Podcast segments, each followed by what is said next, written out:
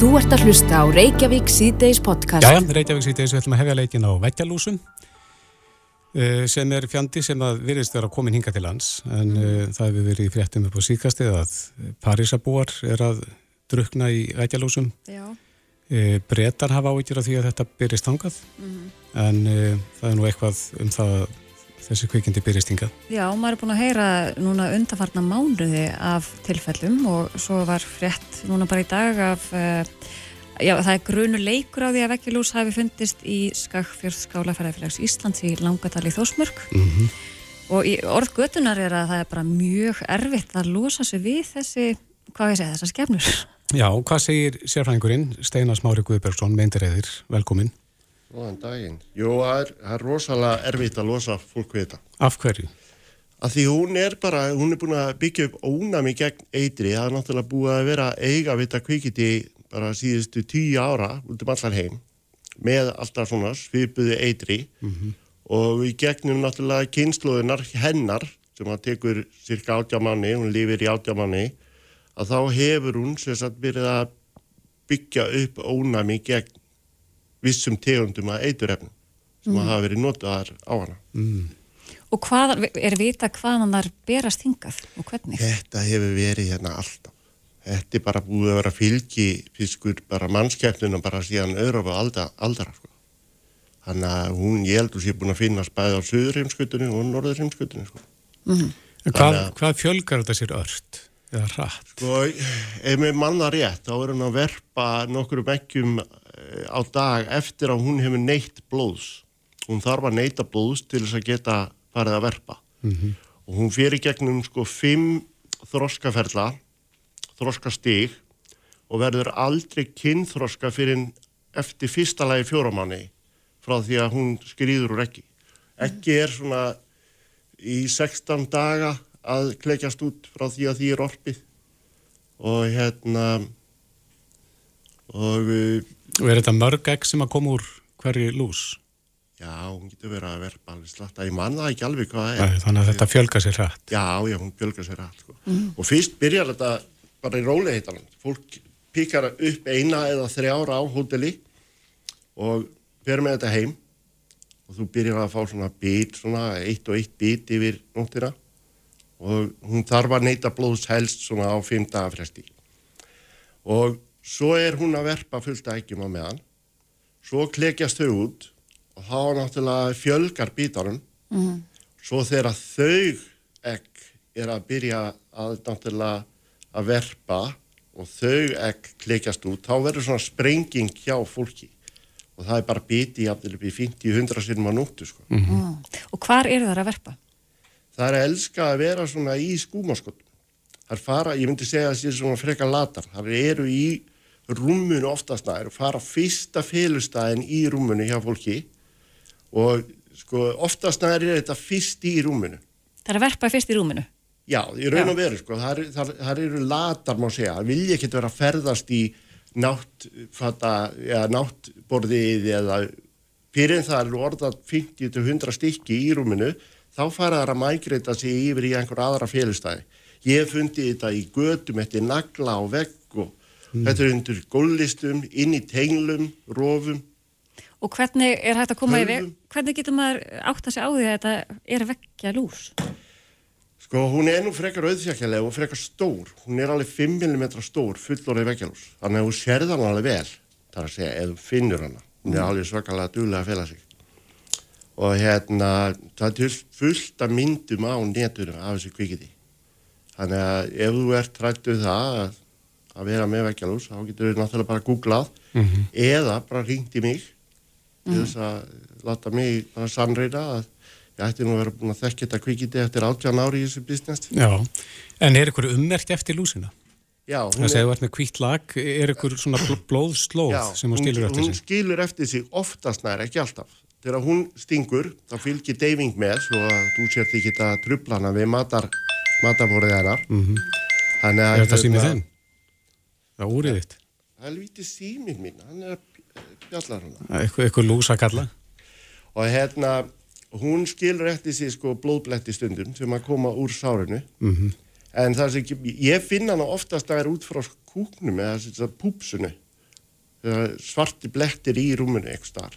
Já, Það sem hún heldur til í rifu, hún fer alltaf út úr bælunni sínu og er að skýta í kringum bæli. hún skýtur ekki heima hjá sér. Nei, eitthvað, eitthvað er það. En hefur tilfellum fjölgað fyrst þér? Hefur verið í svo mörg ár.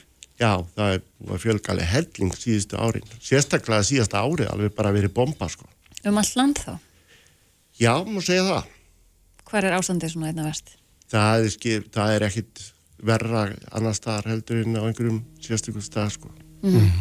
En þú sagðir að þær eru með ónami fyrir uh, alls konar eitri. Hva, hvað er það hægt að gera? Sko, það er alltaf að koma ný og ný efni og ég er, að, ég er komið með nýtt efni sem að, hérna, er að virka ágætlega. Svo er ég með annað efni sem er svona svo kallar hormonefni sem að kemur ef fyrir það að hún geti haft hamskipti þegar hún er að hafa hamskipti. Hún þarf að hafa hamskipti reglulega og uh, það virkar í stuttan tíma en hérna en er mjög áhrifaríkt sann sem að er.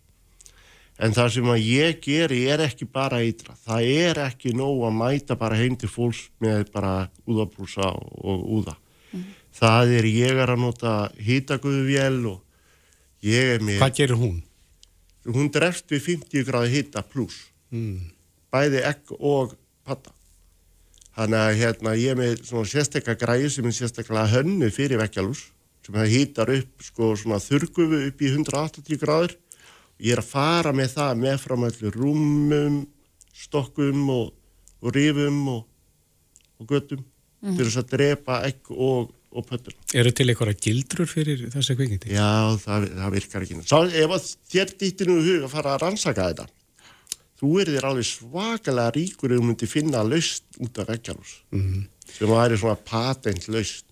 Af hverju heitir þetta veggjalús hér? Þetta er eh, rúmlús annars Já, rúmlús, þetta er auðvitað þetta heita rúmlús. Er að, sko, við erum að taka held ég heitið á henni frá Danmörku. Þar heitir þetta veggjulus og hérna þetta ætti að við erum með byggingamáta eins og breytar eða bandarækjumenn. Þar heitir þetta bedbugs af því þar liggur þetta mestu leiti í rúmunu en í Evrópu eins og Skandinavíu af því við erum að taka heitið þaðan það eru svona panelhús panelveggir.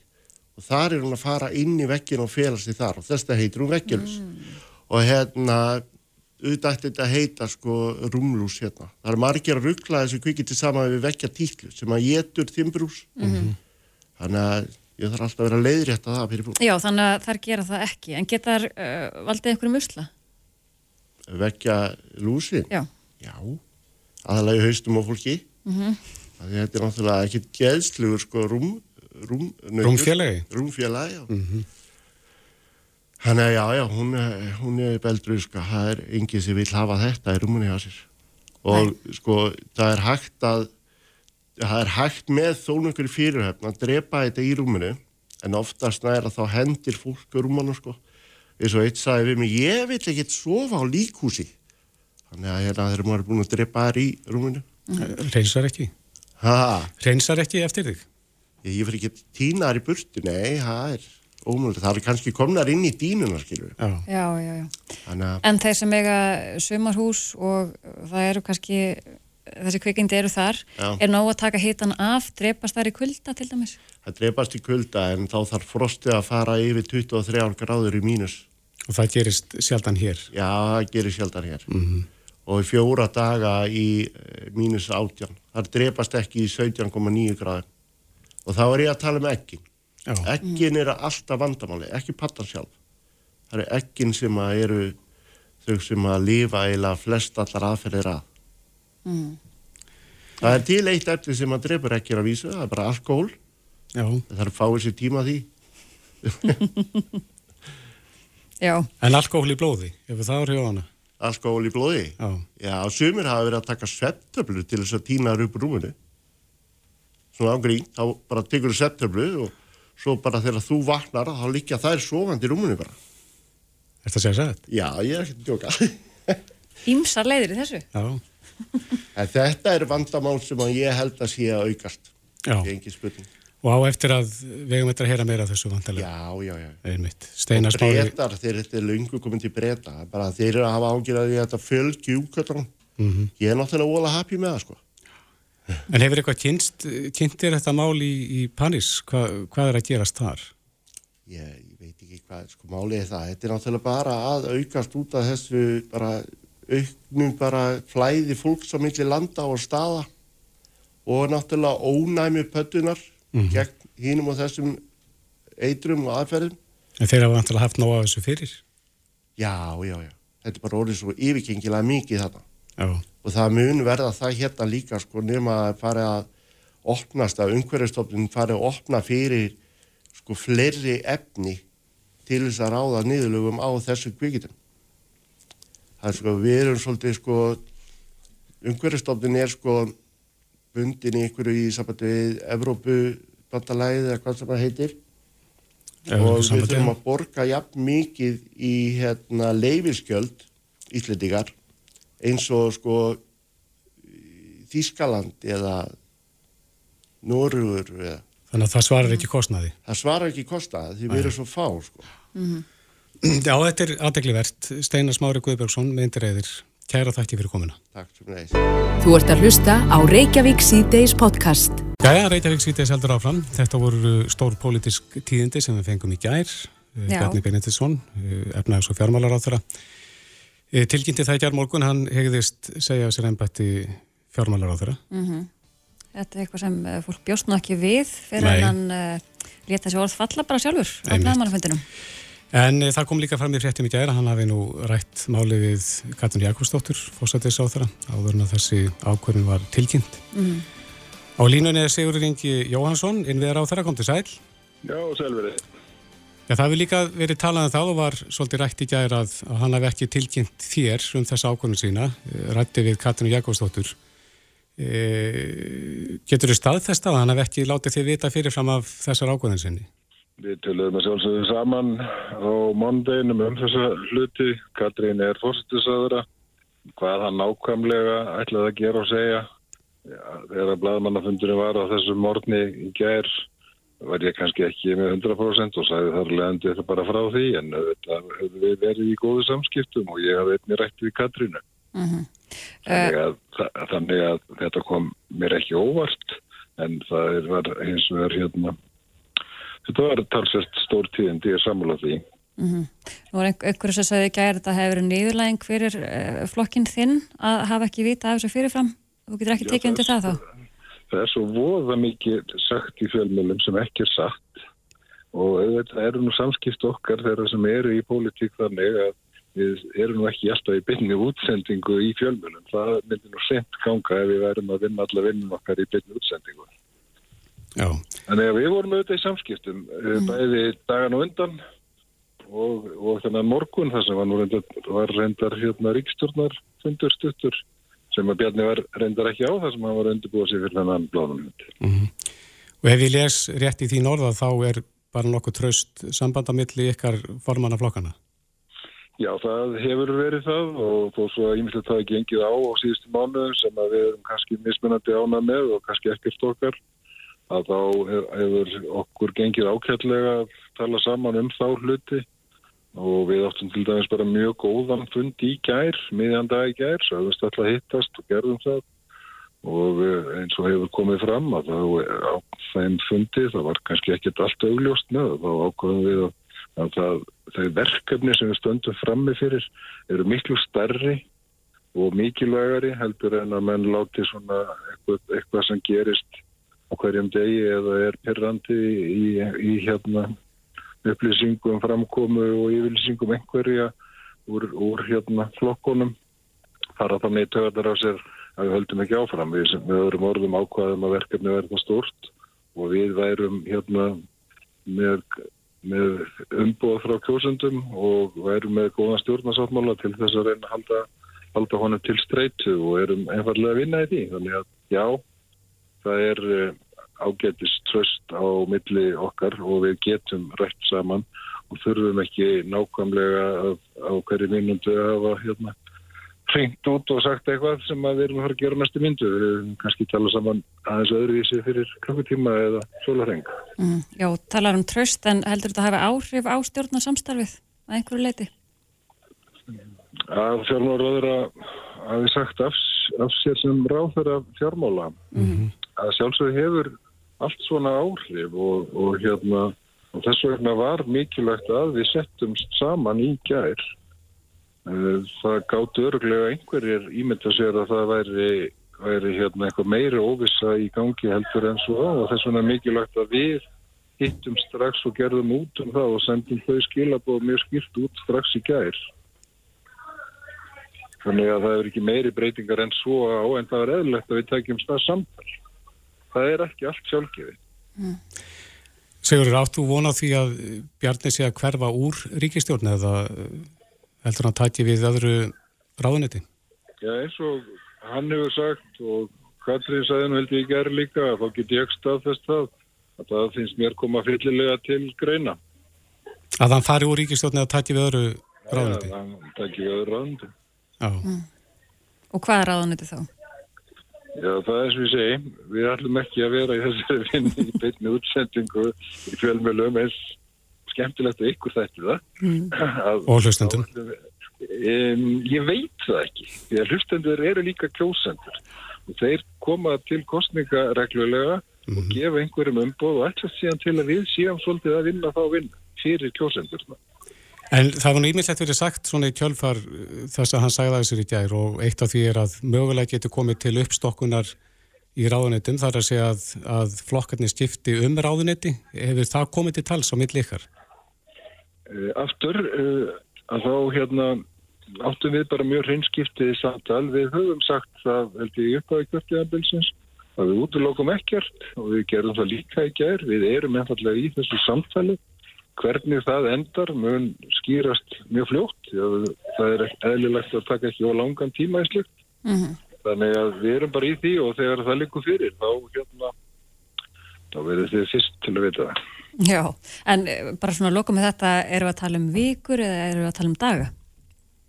Við erum að tala um daga, það er engar, er engar vikur í þetta. Nei, er ekki ríkisráðsfundur um helgina? Jú, það, get, það getur þetta. Það er, semst, það er, það er ekki búið bóðan neitt, þannig að, að hérna, meðan það er ekki að að, þetta er bara allt það sem við erum með í vinslu. Já. Og mér finnst það sem ekki stress yfir því, en það er mikilvægt að luka því hraðar en, en, en sent. En þú eittir að það ekki gert deginum í það að tala fyrir samgöngu áallun? Jú, ég varði deginum í það, Kristoffer. Já, akkurat.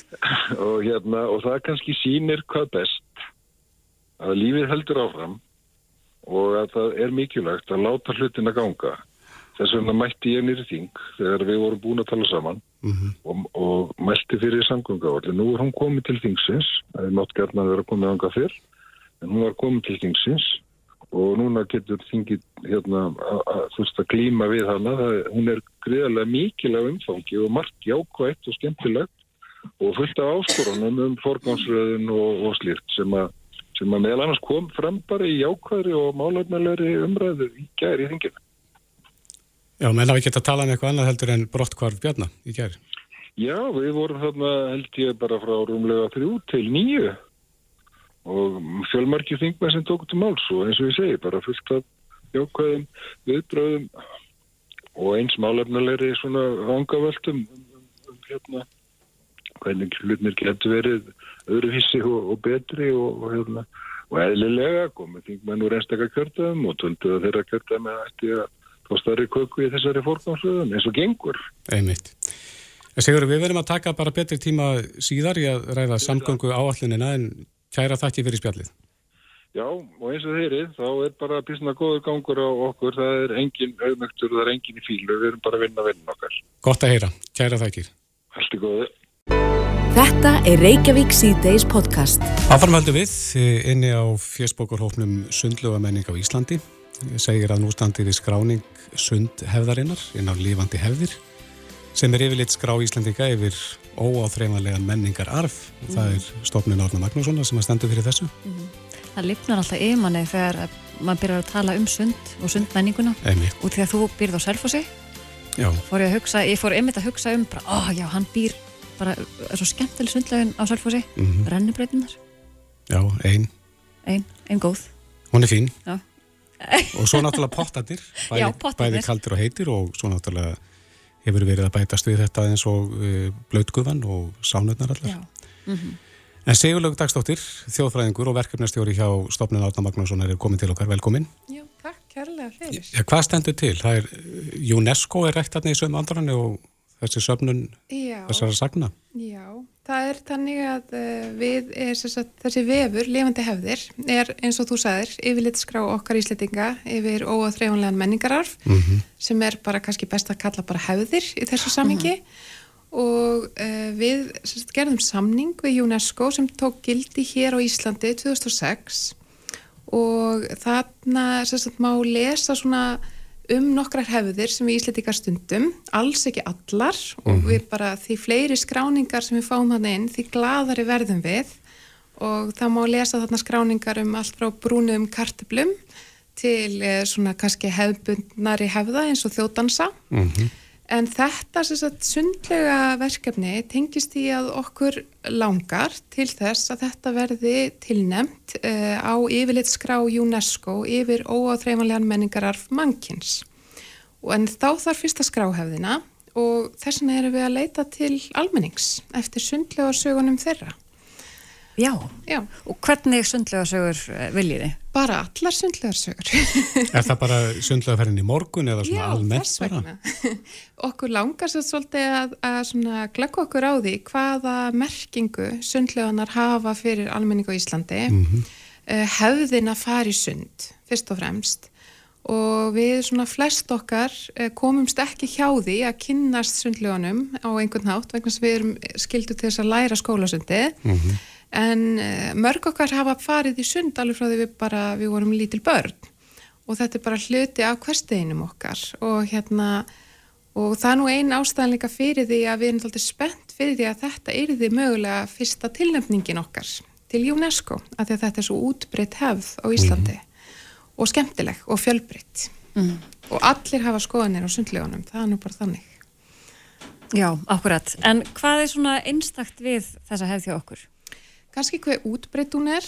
Uh, ég hugsa að við Íslandikar eigum hvað flestar sundlugar, uh, svona, já. Með við höðatölu? Já, með við höðatölu í heiminum og við lítum á þetta sem svona uh, bara almannaþjónustu sem er líka alltaf sérstakt mm -hmm. og um, við veitum bara hvað umræða sprettur upp þegar stendur til að stitta lókunar eða svona opnuna tíma sundlega í litlum bæjum eða fólki finnst svona verið að ráðast að einhverju svona, einhverjum grunnforsendum þess að það sé gott að búa í samfélaginu sem ég held að lýsi vel svona tilfinningunni sem við berum til sundlegana og hérna og svo er hún líka svolítið einstöknus að allir stundar sundleganar á sínum eigin forsendum. Við sumir fara til að reyfa sig aðri fara til að fyrst og fremst slaka á og svo er þetta náttúrulega eitt stærsti svona félagslegi vettvangur þar sem að Íslandikar hittast þóttir séu náttúrulega bara á, á, á, sundfötunum mm -hmm. svona utanhús saman við hefum ekki kannski þessa torkmenningu sem er í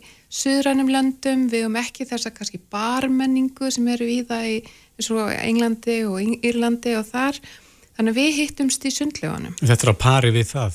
Þetta er á pari við það mm -hmm. og við hittum bæði þarna vini og kunningja en við erum líka að hitta ókunna og jáfnvel spjalla mm -hmm. og hérna og það er stundur sagt að viljur þau kynnast í Íslandingum þá eigur þau að fara í laugarnar og til þess að átta þau á þessum þessu fólki og, hérna, og ég held það sé bara einminslega til í því sko. Og þannig erum við nokkuð svipuð þráttur í kannski mismunandi stöðu í samfélaginu? Já. Það er öll á stílun eða bólnum? Já, við þá svolítið klæðum af okkur stjætt á stöðu mm -hmm. þegar við förum onni launa og hérna og þurfum öll að sæta sumureglunum og hérna og við vitum náttúrulega líka umræðinum það þegar okkur finnst fólk ekki fara eftir reglunum. Það við höfum mikla skoðanir á því. Og það er oft skemmtilegar sögur. Og hérna, já, þannig að þetta er félagslega er þetta mjög merkilegur svona vettvangur, mm. sundlega annars En þú veist þjóðfræðingur, veistu hvenna sundmenningin hófst á Íslandi? Sko það er búið að skrá nokkuð vel uh, sögursundsins og ég verða að fá að nefna það í haust kemur út mjög skemmtileg og vegileg bók um sundmenningu á Íslandi eftir tvo þjóðfræðinga, ekki sjálf með mig samt en hérna eftir Valdimar Tjérhafstein og Katrínu Snoradóttur og þar er verið að segja svolítið sögu um eitt sundmenningar hennar og um, það má segja að hún hefjist bara hérna í kringum aldamótin. Þá eru mjög fáir íslíkar syndir, afskaplega fáir, en, en hérna, það verður svona átak og vatning upp af aldarinnar og eftir að þetta varða lögum að við erum að vera synd, þannig að fjör, upp úr 40, 1940, þá má segja verði bara svona sprenging. Mm -hmm. En það má sjá það alveg um, bara á ljósmyndum frá bara upphæfu lögatarslaugarinnar í gömlu lögatarslaugarinnar að minna við vorum farin að skella okkur honni í sundið að leika og hafa gaman mjög fljótlega. Íslandika verðast það að haft gaman og indi af sundlegu mjög lengi. Hvað verður uh, aðtöfna uppfylgja til þess að geta kallast hefð? Sko það er svolítið svona áhugavert hérna, viðfórsefni og þjóðfrængar tala mjög mikið um það að sko, hefð sé alltaf ný og það finnst fólki stundur svolítið skrítið. Mm -hmm. en einn grunnforsenda fyrir því að hefðir lifi af er að þær geti tekið breytingum. Þær hefðir sem taka ekki breytingum og laga sér ekki að samtíma sínum það er oft eiga erfiðara með að þrýfast og er einhvern veginn kom ekki með okkur inn í framtíðina. Og, hérna, og það er ekki endilega þær hefðir sem við kennum börnunum okkar að því að okkur finnst þar ekki hafa neitt gildið en einu merkingu lengur hefð um, er eitthvað sem við stundum Eh, oft yfirleitt en ekkit endilega ofta ári. Sumar hefður stundu við kannski bara einu sinni kringum jólinn, aðrar hefður stundu við á hverjum degi eins og sundið. Þannig að hefður geta verið fjölbryttar Og hversu margi verða stund að aðtöfna til þess að falli þennan flokk? Um, ég myndi segja bara einn það væri nóg það væri bara einn sem stundaði sund á hverjum degi hér á Íslandi og þá myndi ég kalla það hef já, En hvert er takmarki með þessu? Hvernig komist við inn á þennan lista hjá UNESCO? Eh, sko fyrst þurfum við að skrá hefðina og vanda okkur við það og núna er sérst í átaki svona smá kynning á þessu verkefni þar sem ég er að fara um landið og segja frá lifandi hefðum, vefnum okkar og sundlega menningunni og ég verði til dags fyrir norðan í næstu vika og þremur stöðum þar og svo verðum við með bara stóran og veglegan viðbur hérna í Reykjavík 2008. oktober og ætlum þá að vera í eddu mm -hmm. en sem sagt, uh, já, við þurfum að byrja því að skrá og þá viljum við fá almenning með okkur í samtalið um hvernig eigi að skrá þessa hefð þarna inn og þess vegna er ég nú að reyna að hitta sem flesta og tala við sem flesta. Er þetta að skrá þessa sína sögu inn á vefnum ykkur? Já, sko, fólks bara skráir sína sögu og sendir mér mm -hmm. og svo hef ég fengið leifi hjá sumum að byrta smá brot úr sögunum þeirra og síðan byggir skráningin á þessum frásögnum og ásamt öðrum frásögnum sem þegar hefur verið sapnað og liggja á þjóðatadel þjóðminnssaps Íslands. En þar voru, sagt, er búið að sapna yfir 200 sundljóðsögum Íslendinga mm. og hérna Þannig að segja að þetta sé, og svo auðvitað hjálpaði mér, mér mjög mikið til að það var búið að leggja í þessa bók, þessa veglegu bók sem kemur í haust og skrá þessa sögur svona vandlega. Mm. Þannig að allt þetta hjálpar til að þessi vanda svona diversins og allir séu nokkuð sáttir. Lýsingin á hefðinni þarf hins vegar að vera mjög almenn, þannig að allir getur svona nokkuð veginn tengt við hana og það verður alltaf flókið þess að það verður spennandi þegar maður fer að sína fólki skráningunum sjálfa, hvað finnst þér um þetta tengir við þetta, finnst þér þetta eitthvað sem þú þekkir úr mhm. þinni sundhefð og hérna en UNESCO leggur mjög mikið upp úr því að við gerum þetta vel og þetta er svona fyrsta skrefið síðan í framhaldi þegar búið að sitta hana þarna inn þá fer í gang svona tilnefningarferli og hérna og það undibí ég og síðan eh, tekur í raun og veru ráðunetti menningaráðanetti svolítið við keflinu eftir það. Mm. En af hverju viljum við vera á þessum lista? Það er vegna þess að með því erum við að sína við sem að uppfylla þennar samning. Uh, við erum bæða að sína með því að skráina lifandi hefðir, hefðinnan okkar, að okkur sé andum varveistlu og óaþreifanlegs menningararfs. Og einst þá í framaldi með því að tilnefna erum við líka sína UNESCO við séum tilbúin í þaðferðli og hérna og svo er þetta bara lærdómsferðli líka fyrir okkur og hérna og þetta getur tekið smá tíma og þetta er alltaf flókið þetta er svona svolítil skrif, eh, skrifræði í kringum þetta eins og aðra mhm. svona stórar umsóknir þannig við þurfum að vanda okkur en, Þetta er frumraunin, en það ekki? Þetta er frumraunin, jú En sér þau fyrir fleiri hefðir? Já, og það er strax síðar. fólk farið að spyrja mig en hvað með þessa hérna hef? Ég hefði viljað sjá hana Og hvað er efst að blæði þar? Uh, ég já, ég sko, nú liggur svo ákvörun að tilnefna, ekki hjá mér nefnilega, hún Nei. liggur hjá ráðanettinu og þeim ráð þeirra sem stýðir menningar ráðanettinu hver skipti, af því að þetta þarf að vera ákvörun þeirra ríkistjórnar sem er við völd hversinn og hérna, og þannig að ég auðvitað bara gera mitt besta til að undirbúa þetta og svo kemur bara framaldið í ljós. Mm. Og tala um sundmenningu, Já. pottverjar. Pottverjar, Pottamenning, já, þetta er já. að sama þeir geta líka komið með sína sögu. bara, ég er þegar búin að fá mjög skemmtilega pottverja sögu og við uh, sko ég held að þetta sé svona þjóflokkur sem allir íslendingar kannast mjög vel við og hérna og þetta er kunnulegt stef í laugunum okkar. Þetta er mjög skemmtilegt og flesti geta tengt við þetta og það má leita nánar upplýsinga inn á lifandi hefðir.is Já. sem er uh, vefur hjá árnastofnun, eða ekki? Jú, jú Og svo ferðu um landið, ætlar að taka upp uh, uh, gælnafni lauga þá, Sigur laug. Ég veit ekki hvað fjölskyldinu finnist um það ef ég fær að taka upp því núna en hver veit Þú ert með það í skoðun. Sigurlegu Dagsdóttir, þjóðfræðingur og verkefnastjóri hjá stofnun Árna Magnússonar. Gangi ykkur vel með þetta og við vonum að þetta rati inn á skrá UNESCO, ekki Já, spurning. vonum það. Takk fyrir komuna. kærlega. Takk Þetta er Reykjavík C-Days podcast. Jæja, Reykjavík síðdeis, þegar að klukkuna vantar, uh, já, er 29. gengin í 6. Við fórum aðeins yfir niðurstöðu könnunar hérna fyrir þættinum, uh, það sem við spurðum núna síðast á sóluningin. Ef kosið þér til alþingis í dag, hvernig eftirtöldu myndir þú vilja sjá sem næsta fósættisráð þeirra? Og þar fekk Kristnur Frostadóttir 26,6%, þar á eftir kom Sigmundur Davík Gunnljósson með 22,2%, svo Bjarni Ben með 19,2%, uh, Katrín Jakobsdóttir með 9%, og þar á eftir Inga Sæland með 8,5% Já. aðrir minna. Og ef maður námyndar upp í heilan þá er það jafn, uh, mikið fylgi, mikið fylgi en ekki að slappa og núverandi fósittisraðara.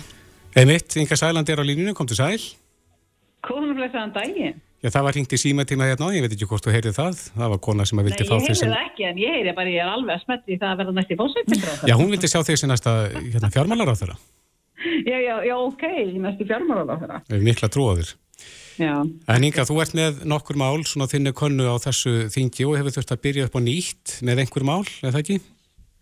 sko, öll mál, öll mál sem ekki fá afgreyslu á löggefaþinginu og undan, uh, við erum að uh, flytja þau aftur.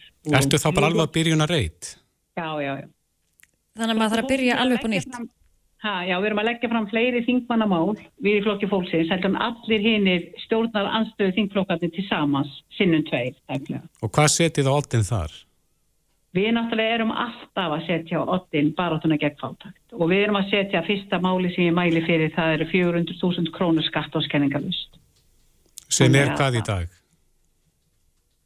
Sem er bara inn í, í sko fasta nefnd, efnars og viðskipta nefnd. Já, en hver er upphæðin í dag fyrir ekki? Þú vilt að þetta færi Það er bara 400.000? 400.000 krónur skatta og skenningalust. En hvað er fólk að fá í dag? Svona til Já, viðmiðinar. það er að fá kannski, við skulum segja, lámaslaun eru í kringum 403.000 krónur, þannig að það er fyrir skatta. Mm Það er byrjað að skattleggja þig fyrir 100, þegar þú ert komin í 158 til 9.000 krónur þá uh, mun, mun persónuafsláttunni þinn eh, vera hættur að, að gera meira fyrir þig þannig að þá ert þú skattlaðu fullum fettum. Þannig að uh, fólk sem er að fá uh, ríflega 400 krónur í tekjur það er að fá útborgað um 320 krónur og, og aðrir minna og við veitum að það er stór hluti fólk sem er að fá mun minna. -hmm. Hefur það verið reikna nýlega hvað fólk þarf háa upp að þess að lifa bara af? Nei, ég vissi bara á sínu tíma þegar að uh, félagsmálar á þeirra ákvað það að draga það niður vegna þess að það var frekar óheppilegt fyrir, fyrir útreikningana að sína fram á það að við þyrstum meir og þeir voru ekki einu sinni með húsnæðisliðin inni í framfæstinni. Mm Framfæslan var þá uh, um 260.000 krónur til 300.000 krónur fyrir utan húsnæði. Og við vitum það að við höfum lítið að gera með einhverja 260 til 300.000 krónur ef við hefum hverki heima og höfum ekki það gefið höfuð. Þannig að e, það er ímislegt gert til þess að villa um fyrir okkur og, og sína hlutina öðruvísi heldur en raunverulega eru og, og við í flokki fólksins höfum náttúrulega allan tíman alltaf von stopnu til þess. Já. Að tryggja fæði, klæði og húsnæði og heilbriðistjónustu fyrir allt fólk. Já, þessi hópur hefur verið ofalega í þínum huga og ykkar fólks en, en það, þú ert líka með málegsindjana í huga, dýrin. Já, ég er það. Já, alveg öllu hérsta. Og þú ætlar að leggja fram gæludýra frumvarfi aftur. Getur þú rifjað það eins upp fyrir okkur? Já, þar við, uh, þar er einaferðina enn uh, fátaktinn sem að mismunar fólki, fátaktinn sem að kemur í veg fyrir að fólk sem að jável eru einstæðingar, uh, þeim er ekki gett kleift að þú halda gæludýr og það sem að mér finnst eiginlega miður við það frumvarp, það er miskilningurinn sem að er í gangi í samfélaginu hjá sumum einstaklingum hvað það varðar því að í greina með frumvarpinu þá það skipt tekið fram að það er aldrei þannig að fólk verði látið vika fyrir dýr. Það er aldrei þannig að fólk sem er með ofnæmi eða getur ekki búið í húsnæðinu sínu út af dýrum að það þurfa að vika fyrir dýrum. Það er aldrei svo, aldrei nokkuð tíma. Nei, var, var það ekki gaggrínt á sínu tíma og einhver hópur fólks reysu upp ekki, og mótmalti þessu frumvarpi? Já, það var á þessum fósendum að þau bara hennilega skildu það ekki. Mm -hmm. Ég... Eða hvort það var bara út af því að voru, þeim var bara í nöp við dýr yfir höfu vegna þess að við vitum það að það er ekkit allir sem að láta sér and um málesingar okkar. Já. Það er bara þannig. Fyrir síðasta þing þá, uh, það var undirskriftalisti þar sem söpnuðust mörg þúsund undirskriftir. Ég er búin að taka eftir því núna á uh, síðum á fjörsbókinni að það er verið að kalla eftir því að, að beða fólkum að skrifa undir aftur út að það er komið nýr undirskriftalisti fyrir þá mm. þetta frumvarp þannig að það þarf að byrja allstaðar upp á nýtt, sérstaklega líka með undirskriftarlistan. Já, ég vil bara hvetja alla sem að, vilja í rauninni gefa málinu eitthvað vægi og fylgja okkur eftir, þá skiptir það máli að byrja alveg upp á nýtt. Hvert, hvert og eitt löggefating er spánir uh, grundvöldur á, á, á málunum okkar. Já. Við þurfum að mæla aftur fyrir málunum okkar alveg upp á nýtt. Þannig að það er alveg sem að hvað vinnu við höfum lagt í, í löggefatingi og undan Við þurfum að halda áfram að leggja sömu vinnuna í aftur og nýju löggefatingin en þá erum við að uppfæra jáfnvel tölur ef það er einhverjar útreikningar sem að, sem að það líka baki þá þurfum við að, að endur, endur nýja það og skoða það upp á nýtt. Þannig að það er rosalega mikilvægt ef fólk vil raunverulega fylgja okkur eftir, fylgja hvort sem það er í sambandi við blóðmeramáli sem ég er ekki búin að mæla fyrir. Ég er ekki búin að mæla fyrir þessum málum enn en þau eru lengur komin inn Við, náttúrulega erum nýlega byrjuð í þessu, þessum þingvetri og ég er búin að mæla fyrir 400.000 krónur skatt og skenninga laust. Við erum búin að mæla fyrir því að skattleika lífið er sjóði við innborgun í staðan fyrir útgreðslu og gefa ríkisjóði um leið um 70 miljardar króna í, á hverju einasta ári til að afnema skerðingar og, og, og hérna, það sem við erum alltaf að tala um. Við erum alltaf að berja skegg skerðingum og við erum að reyna að tryggja lámas framfæslu og þessir fjármunni myndir nýtast þannig Þannig að eh, við, við hvetjum bara fólk ef það raunverulega hefur hjarta í því að fylgja málum eftir þá þurfum við alltaf að því miður. Þá þurfum við alltaf að flytja þau aftur og, og það fer aftur inn í sömu nefnd og það fer aftur sömu umsagnir eða, eða umsagnir að koma aftur fyrir og þá bjóðum við umsagnar aðeilum gerðnan að koma fyrir nefndin og fylgja umsagninni sinni eftir. Og ef að fólkið okkar hefur hérsta í það og vil virkilega fá einhver mál raunverulega í gegn þá er þetta sterkasta sem við eigum. Það eru umsagnirnar og það er það að fólk fylgir þeim eftir. Þannig að hvort sem það lítur að gæludýrunum okkar eða, eða hverju öðru sem við erum að berjast fyrir þá skiptir öllu máli að fá fólkið okkar með. Mm uh, Varstu svo ekki líka með mál uh, vanandi leigubremsu? Við erum komið mál, við, við mæltum fyrir núna fyrir jólinn í desember við, hérna, húsnæðisfrumvarp innveðar á þeirra, þá komum við með breytingatillögu þar sem við vorum í samráði við, við hagsmunarsamtök leiðanda og þar sem við vorum að tala um leigubrems og leiguþak og mæltum fyrir því en það var fæst. E, komið mjög á óvart að til dæmi samfélkingi skildi ekki e, sjá ástæðu til að greiða því atkvæði því að strax í januar mánuðið setna þá voru þau að tala um leigu bremsu leigu þak kom ég mjög á óvart að þau skildi ekki vera með okkur í því. Nú mm. við erum komið með frumvarp um leigu bremsu leigu þak við buðum þeim og eins og öllum öðrum þingmönnum að vera meðflutningsmenn okkar á frumvarpi um leigu bremsu leigu þak ekki bara, ekki bara breytingatillögu við frumvarpi innveðar á þar að heldur heinu og kláru frumvarpi um leigu bremsu leigu þak og svo engileg sem það er Er ekki hægt á því ynga að íbúðum á leigumarkaði fækki ef að settir það á leigubrems eða, eða þak? Ég get ekki sett það með þá þróun sem er í samfélaginu dag þar sem að í raun og veru er, er lengt og ljóst verið að fara að færa eignir fólks yfir til uh, hagnaðadrifina leigufélag. Við sjáum það bara með þessari, þessari hérna, vísan uh, selabankastjóra í að fólk uh, færi sig yfir í verðtrið lán. Það er vitað að verðtrið lán geta upp þann litla eignarluta og allan þann eignarluta sem viðkomandi hefur í rauninni safnað í eignina sína nema hann sé með, með fulla vasa fjál. Það er enginn að tala um fólk sem hefur efni á því en eh, almennt aðrir sem að þurfa og neyðast til að fara yfir í verðtrið lán eh, til þess að losna undan snjóhengjunni sem er að fjalla, falla, falla yfir allt og alla núna næsta ári þegar að þessi e, óvertriðu lán með breytilegu vöxtum er að falla yfir, yfir, yfir e, íbúðar kaupendur. Þá náttúrulega líkur það algjörlega á borðinu að eignar hluturinn gæst upp og fólk mun innan tryggja til fimm ára að missa heimili sín. Það mun ekki geta greitt áborganir af vertriðu lánanu sínum innan, innan fimm ára enga veginn og það mun heldur ekki geta farið í greiðslu mat vegna þess að það mun ekki lengur fá greiðslu mat af því að afborgarnæð eru orðna það háa. Þannig að þess vegna er nú til dæmis Ástýttu Lóa sem er óþreytandi formað raksmennar samtaka heimilana og þreytandi að berjast á þessum vigvelli sem okkur þykir vera. Hún er að koma inn með frumvarp einmitt núna sem á að tryggja það að, að enginn sem hefur fengið greiðslumat upp á X upphæð uh, þurf, þegar hann gengur í gegnum uh, sko er að taka lán til íbúðakaupa, hann þurfi að horfast í við það að eftir einhverjar x margar hækkanir á vöxtum og, og hinu og þessu Já. að þá sé hann ekki lengur orðin gjaldbær inn í það, það greiðslumann. Inga, við getum, við- við getum talað til miðnættis um öll þessi mál sem að þið ætlið að leggja fram hjá flokki fólksins en við verðum að setja punktin hér. Kæra... Kæra, Ég ekki frekar að tala til miðnættis, ég er alveg komin í gýri. þú ert til í það. En gerum það síðar. Þú, Kær, ring, þú ringir bara í Kristófer. á, kæra þakki fyrir spjallið. Ég geri það og takk fyrir ykkur indislega. Bless, Já, bless. Bless. bless, bless. Reykjavík síðdeis á Bilginni podcast. Nú hefur verið að undirbúa stór söngleikin Frozen.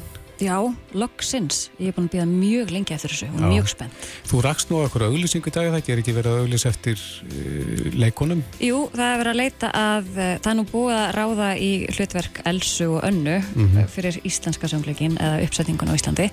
Eh, En nú er leitað að Elsu yngri og Önnu yngri. Já, spennandi. Nú Gísleot Garðarsson, potturinn og pannan í þessu öllu saman sem var fenginn af Disney til þess að leikstýra uh, og setja upp uh, Frozen, ekki bara hér á Íslandi heldur í Nóri og hann er þar stattur núna, í, ertu í Oslo Gísli sæl? Já, sælverði. Jú, jú, já, já, það er í Úslú. Út í Oslo og hvernig gengur? Herðu, þetta er hérna, það gengur á ímsu, skal ég segja ykkur. Það er frumsýning hérna á lögadaginn Já, og uh, þetta er náttúrulega, eh, eins og gefur að skilja, stó, stór síning, þetta er stór og mikill söngleikur og algjör uh, tilfinningar sprengja á alla kanta, þannig að það gengur náttúrulega á ímsu þegar að hérna íslenskir ofurhugar mæta í, í, í norsk leikhús þar sem að hérna, þar sem að hvaðskapurinn ofta, þetta skal vera litt hyggili að hérna að þannig að það, er, það gengur ímsu og það er mikil, mikil orka í þessu og til dæmis gerðist það í vikunni að hérna járnteppi sem er svona örgisteppi sem sko eða kveiknar í eða eitthvað þá kemur niður örgisteppi svona Mhm. járnteppi og, og það er hérna það er átján tonn þetta er staðist, staðistu svona járnteppum Norðurlanda í leikt Já. og það því er alltaf loka sem sagt sko það loka fyrir sviðið á hverju kvöldi þegar allir fara úr húsinu Mhm. nema þá gerðist það á, á mánudagskvöldi að það slitnaði strengur hægra megin þannig að játthjaldi sko skorðaði sig fast á miðju sviðinu og það var ekki hægt að sko að hefur þetta frest öllum æfingum og kalla einhvað krana eftir litingað og, og Já, þú liftir því ekkert svo öll nei, ekki, ekki, eins og Dóttir minn sagði, geti ekki bara að fengja einhverja til þess að lifta þessu átján tónn. Já, og hérna, en þannig að það, það, þá stoppaði allt í sólarhing og þannig að þetta er, en það sem er gaman leikus, það er lifandi, maður veit aldrei, maður veit aldrei hvað gerist í síðustljósinu. En leikúsfólk er líka hjátrófullt, er spilur þetta eitthvað inn á það?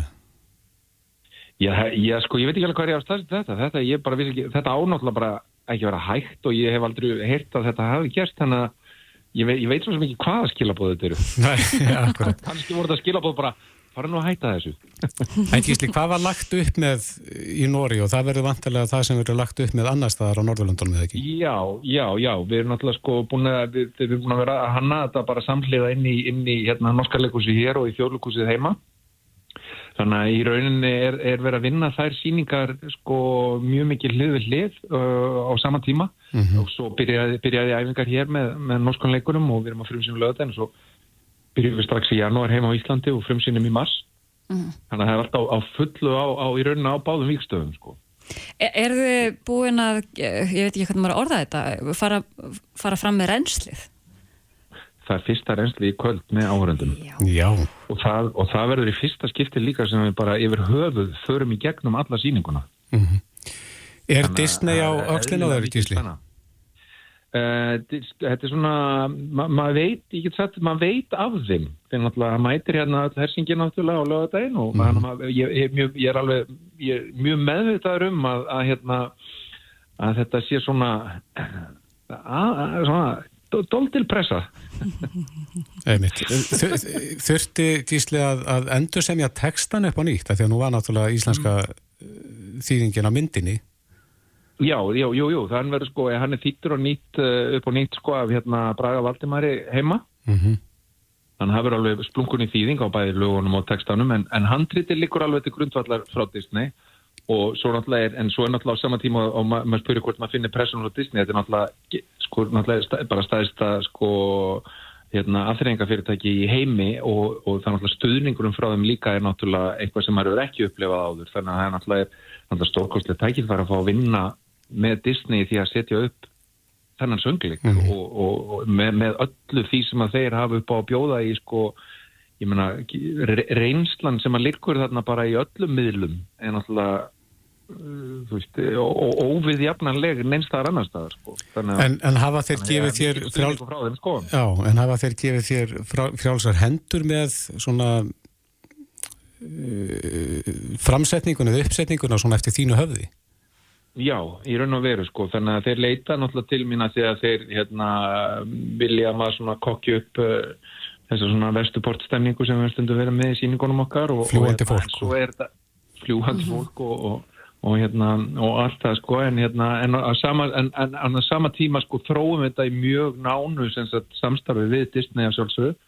Og, og hérna en það er rauninni og það er búið, búið að vera mjög sko gjöfult og jákvægt ferli. Og auðvitað þetta er náttúrulega Frozen, Frost, þetta er náttúrulega Disney og þannig að maður svona er heldur ekki að gera ekki það þannig að en með sínu eigin krytti að sjálfsögðu og bara með sínum eigin hugmyndum og, og öllu, þannig að já, ég er með alveg frjálsar hendur en, en auðvitað innan bara þessi ramma sem þetta er og, og svo bara eh, hendu við hug, hendi hugmyndum yfir á Disney og það komið hugmyndið tilbaka og svo höfum við verið að fróða þetta ég ætla þess ekki komið ár núna sem við erum búin að vera að vinna í þessu Mm -hmm. Gastur leiftur að hugsa starra þar sem hún varst með svona stóran bakkjarl núna?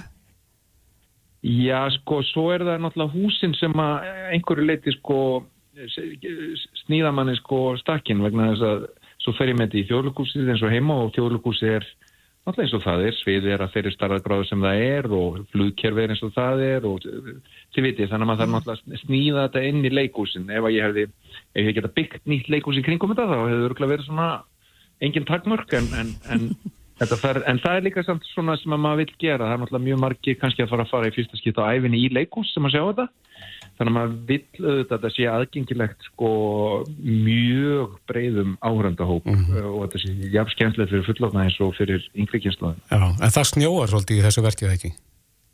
Það snjóar mjög mikið. Hvern, Hvernig leysið þið það? Ú, það er það, sko, það snjóar úr öllum áttum. Já. Þetta, ég held að, ég held að sko ég, ég er sko döðvorkinni hérna þeim sem að þurfa að þrýfa eftir sín En uh, það sem sko, hérna það á kafi það sem það er ennsti í kvöld uh, getum við átt vonað því að sjá einhverja klippur úr því eða verðum við að býða hans lengur? Já, ég hugsa bara strax á lögadaginn verði hérna, verði allt komið uh, í byrtingu allstaðar. Þetta er það sem er svo náttúrulega styrlað í þessu, þið vitið, það er, er miðugudagur og maður hugsa bara, já, lögadagur, já, þú, eru bara eiginlega frumsina.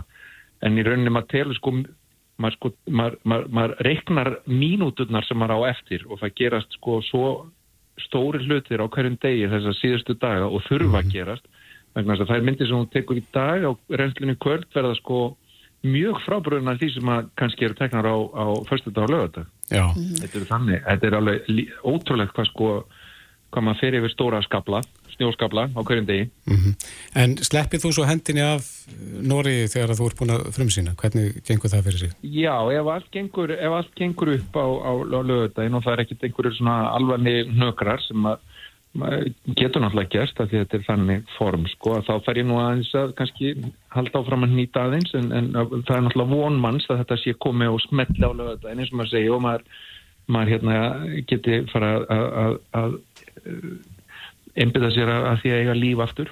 Já. Rétt kannski blálókin gísli, hvernig verður frumsýnt á Íslandi? Er um sínt fyrsta mars. Fyrsta mars. Mm. Og Já. að þið vorum að tala um hérna að vantaði unga Elsu og, og, og, og unga Önnu, já, þá erum við að leita eftir þeim heima núna. Já, og það má finna upplýsingar um það inn á uh, hvað þjóðleikúsið.is Heimasíðu Þjóðleikhússins, Já, já, já. Akkurat.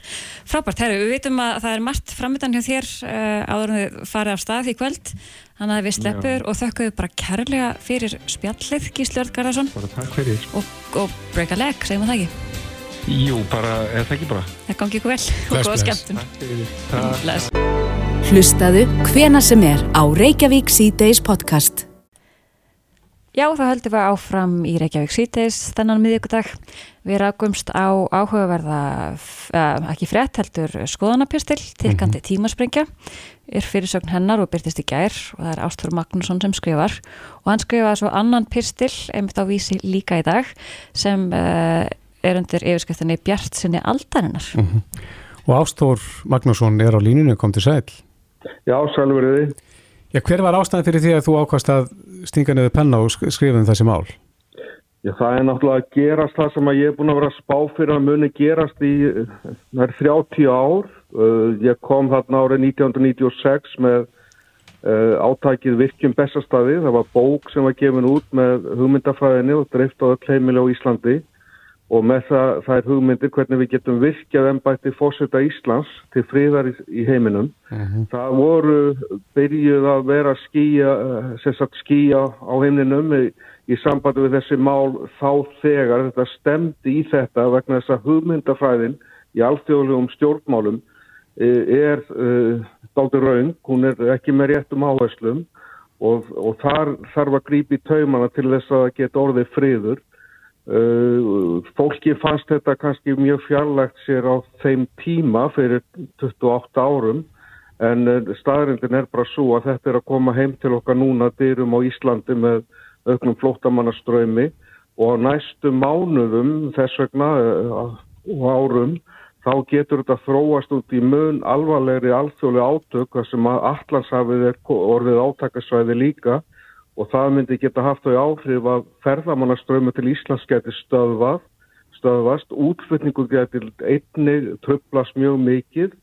Uh, nú fyrir utan það að verðbólka skýst upp þegar að oljuverð og, og ráefni og svoleiðis hækkar í verði þannig að þetta hefur bein áhrif á Íslandika. Nú svona yfirlýsingar eins og er að koma frá utaríkisráð þeirra í sambandi við það sem er að gera svona í gasa er náttúrulega algjörlega óábyrgar. Hún lýsir því yfir að hún, hún styðji Ísrael algjörlega í því sem að þeir eru að gera og, og, hérna, og, opnar, og ætlar að opna Ísland fyrir flóttamenn frá Palestínu. Hvað er það sem hún ætlar að gera? Taka móti 2 miljón flóttamanns frá Palestínu og láta 200 eitthvað þúsund skattendur á Íslandi borga þeirra framferði. Þetta, þetta er svo óábyrgt tala, það er næringu einhver tali sko. Uh, og það sem að uh, fórsættisáður að Ísrael er núna búin að gera, hann er búin að loka fyrir allt vatn og matvæli uh, og, og allt elsneiti til Gaza. Núna fyr, bara fyrir innan síðasta klukkutíma var að slökkvast á uh, ramagni algjörlega þar. Uh, það er algjörlega að myndast neyðar ástand á að svelta þetta fólk allt í hér. Er hún að tala það kannski um að flytja til Íslands bara þá sem að eftir lifa eftir að úr að mörka lífið úr mest af þessu 2 miljónum mann sem eru þarna. Mest af þessu fólki hefur ekki komið nálagt einhverju Hamas eða ráðist á einhverja Ísraela. Þau auðvitað fordæmið við sólist. Það er, ekki, það er auðvitað ekki réttanlegt að myrða saklust fólk, alls ekki. Tala ekki um á friðar uh, tónleikum eins og talaður um að það hafi verið gert. En, en það réttlætir ekkit að, að ráðast á heila þjóð og mörkurinn er lífið Mhm. og það verður engin friður í, í Gaza fyrir að, að, Ísraelsmenn bara eh, sta- standa við það samkomna sem gert var um landamæri og palestinska þjóðin fær land til að búa sitt eigið land, sitt eigið ríki sem að þeir geta stjórna sjálfur á þess að vera í einhverju herbi eða einhverju umsátri uh, annara þjóðar eins og Ísrael. Mhm. En tilur ekki það sem Þór... Hugmyndafræði gengur bara ekki upp. Það, það er máli og það þarf að taka á því og það er eftir að taka á því frá embættis og fósettembættinu. Hann hefur talað um það, verið að þessu skrifa hann í greininni, fósettin að, embættið er mjög greiðan aðgang að áhrifafólki og það er nákvæmlega það sem ég hef verið að segja og var að segja í þessari bók virkinn bestastadi að embættis og fósettembætti sem á Íslandi er á að vera að það getur haft gífuleg áhrif. Það getur, það, það getur eh, tek, tekið saman áttak saman með stórstjórnum í, í músik og, og áhrifavöldum á samfélagsmiðlum og stjórnmálamönnum til þess að breyta þessu hugafari sem er í kringum alþjóð og stjórnmálum. Mm. En heldur að við getum gert það sem lítil eiga þjóð? Algjörlega, ég hef trú á því og ég held ég sé nú búin að eh, sanna það með, með minni þvermóðsku kannski að í 30 ár hef ég uh, staðið í þessu að tala um þetta og ég er búin að fara í mörg fórsetaframbóð og, og, og eitt uh, miljónum, miljónum króna í þetta áttak þannig að ég held ég sé alveg búin að sína það að ég trúa það sem ég er að tala um og, og það er ymmit lítil þjóðis og Íslendingar sem geta gert þetta og sérstaklega þess að þjóð sem að er vopplaus en auðvitað hef ég stórar áhugjur af því hvernig núverandi valdhafar eins og auðaríkisáður er, er orðin farin að sendast fyrir bandariska hergagnaframleðendur út um heiminn til þess að, að tala fyrir því að auka hernað, auka og hún gerði í, kringum uh, útfennslun á NATO sem að er, er að valda styrjöldinni við, við Rúsland þetta er náttúrulega svo óaböld að þetta er bara fárálegt.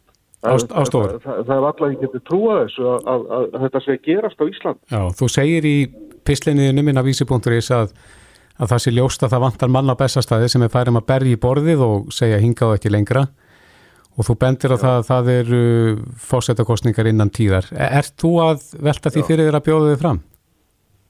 Það getur vel verið að gera það ef engin annar kemur fram sem að uh, treysta sér til að berja í borði og segja hinga og ekki lengra þá er ég alveg tilbúin til að gera það. Er, erst að skoða þann möguleika í dag? Algjörlega. Áhú. Og ertu byrjar að aðtöða hvort þú hefur stuðning svona í kringu þig? Nei, nei, ég, ég er bara að segja það að, að það þarf náttúrulega að byrja að tala um þetta og þetta verkefni mitt og þessi hugmyndafræði á algjörlega upp á pallborði. Ég vona að það kom einhverju frambjóðundu fram sem að vilja taka þessa hugmyndafræði og vinna með hana en, en ef að það gerir það engin eins og uh, ég gaf þessa áskorun út þarna 1996 og það var engin tilbúin til að taka þetta málaninu viti þannig að, að þessuna fór ég í fórstaframbúð það geti alveg gerst aftur Hvað hefur þið bóðið oft fram? Fjórum, fimm sinnum, eitthvað svoleiðis Já, mm -hmm. að þú ert tilbúin til að bæta einu stifti við í viðbót?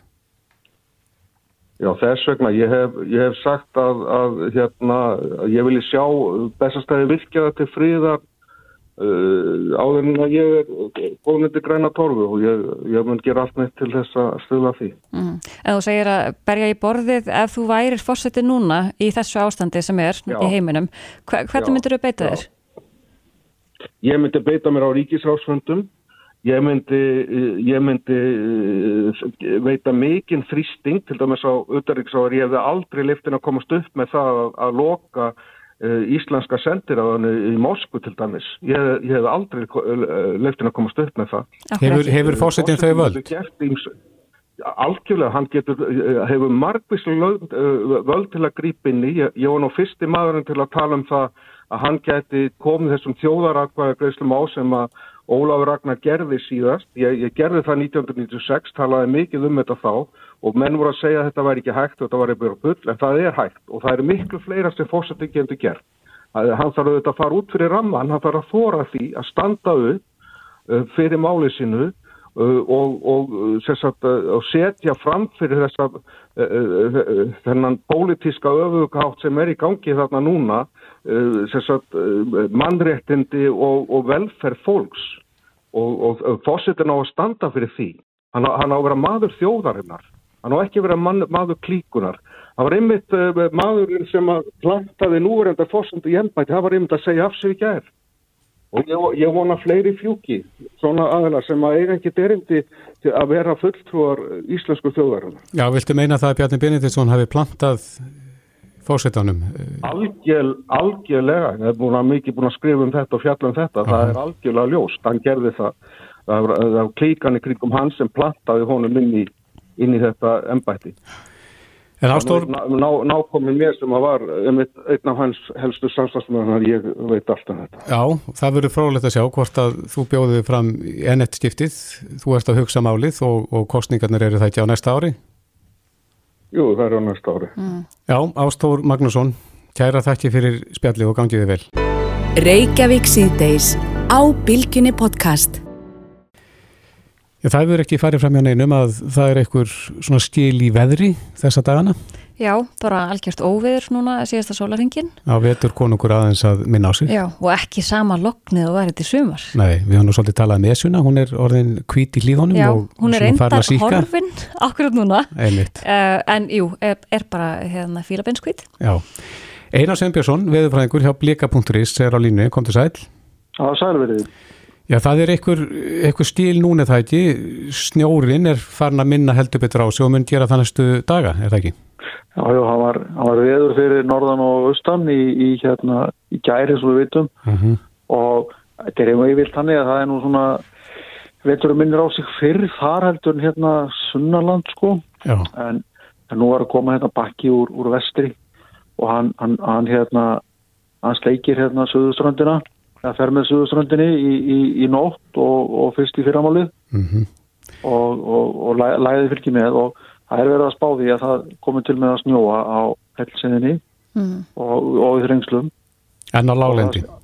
E, sko það snjóa alltaf drúgt upp á, upp á heiði og svo snjóa líka fyrir austan fjall mm -hmm. það er norðustan átt með þessu og mhm. bakkin fyrir yfir yfir sem sagt Ölfus og Flóa og það tar með Selfoss og það er, er ekki reynd og ég held að verði bara e, meira og minna snjór, kannski bleitu snjór á þeim, á þeim slóðum í nótt og fyrramálið. Má slitta? Nei, ekki slitta, svona, freka, svona blöytur þungur snjór. Mm. Já. Getur þetta verið það og, mikið að verði ófært eitthvað þegar verið að móka? Það er, það, er nú, það er verið að spá alveg 30-40 millimetrum mm og það er talsverður snjór sko ef, að spána gangi eftir með það mm -hmm. og þetta er svo sem ekki skýl sem er að fara yfir heldur þau dragast svona með læðinni svona eins og maður, eins og maður dragi bara svona spotta eftir sér Einmitt. yfir Suðvestanverðlandi sko mm -hmm. þess vegna stendur þetta í daldi langan tíma sett í allan ótt og fram á morgunin en, en hérna sko auðvitað er það þannig að vegagerðin er dúlega að, að, að, að með sína verktaka, það er dúlega að móka og halda þessum aðalegðum opnum sko. Ég, ég sá nú runnistæki í gær þó það hef ekki verið þörf á því en þeir eru greinilega öllu viðbúnir. Já, já, já, þeir eru það alveg klárlega sko, það er, það er allt komið í gang hvað það var þar mm -hmm. en, en hérna en svo er það sko með höfuborgarsvæðið og, og ég er nú svona nokkuð viss í minni sög með það, þetta verður úrkoma þar en hún verður meira minna bara regning og slitta þannig að allt sem er fyrir neðan 100, neðan 100 metra hæðar hvort sem er höfuborgarsvæðið Reykjanesbröðin eða, eða, eh, eða Reykjanesbær og, og sveitafélagið þannig að suðu frá önnur en Grindavík mm -hmm. þá er, er hérna þá er held ég það sko að þau njóti nálaðarnar af hafinu þannig að það verður nægilegur, nægilegur hitti sem kemur þannig til að halda hittanum rétt, vel réttu með við nullið Já Einar, þú ert veðurfræðingur vegagerðanar líka. Er, er komin tími fyrir fólk að fara að huga vetradekjum? Erum við að Já, tala um að það verði byrjuð á dekkjavegstaðum á morgun? Sko alveg klárlega fyrir þá sem að, að fara á millir landslut og þurfa yfir þess að hértvegi. Mm -hmm. Ég held að það sé alveg ljóst en, en sko ég er nú að segja það hérna á höfuborgarsvæðinu að það er mjög, mjög ólíklegt að það snjói þar nema að vera skilt alveg í erstu byggðum sko, alveg fyrir rauðavatni að það er uppstæðar en uh, það, það, það, það er möguleiki mm. en síðan er nú gert ráð fyrir því að það uh, eftir dag með norðanátt og smá kulda og þurru lofti hérna Suðastaland og þá hlýnir nú um helgina og það er spáð svona bærlegum hlýjendum í næstu viku Já. og þá eru ekki þörfa á vetratekjum og heldur ekki fjöldlegum Þannig að menn geta mm. beðið þetta eins af sér Já, allavega þeir sem eru bara í innabæðarastrunum, ég held að það sé, að það sé, það er svona allavega mín ráð, hvað það var þar. Akkurat. En, svo eh, gildir þetta allt annað um þá sem að búa fyrir norðan og vestan og austan, þar eru nú búin að fá, fá, fá, fá smörþegan á þessu. Og þetta er kannski þetta sem var í gær, það er kannski þriðja snjókoman og, og stingsverða heiði ákstalsið og mörðalsverðum einmitt. og það er, það er, það er, allt annað bragar á því og fólki, fólki veit en það byrjar vetra þjónustan þar svona jafnaði mánuði fyrir hérna fyrir sunnan. En munur hlýjendin tegja sér þanga líka í næstu viku? Já, í næstu er ekta, það er að spá svona ekta sunnanótt sko. Já. Það sem er mildt flott líks sunnan og höfum sem að næra að, að, að bræða og leysa þann snjó sem, sem, sem komin er. Já, akkurat. En þetta eru svona, þetta verða umhleypingar þá? Ekki beint umlefingar, nei, nei sest, við getum sagt, jú, það er kólvandi núna og það fræða kallt og svo bara hlínar Mhm. um og uppur helgi og verður lítið einhverja daga þar á eftir, svo er, svo veitum við ekkert hvað tekum við þar á eftir. Nei, akkurat. Fínt að hafa þetta í huga. Einar Sveinbjörnsson, viðfræðingur hjá blika.is. Kæra þakki fyrir spjallið. Takk, takk. Og þá vorum við að sigli mark. Já, komum að lókum þennan daginn. Einmitt. Við minnum að það að viðtölinn er öll komin inn á vísi.is og hægt að lusta í gegnum Bylgju appið. Já, og allir þátturinn í hild. Já, Hugrún, Bræi og Kristófi þakka fyrir sig. Aftur hér á ferðina morgun, fymtudag. Já, heyrumst þá. Reykjavík síðdeis á Bilginni podcast.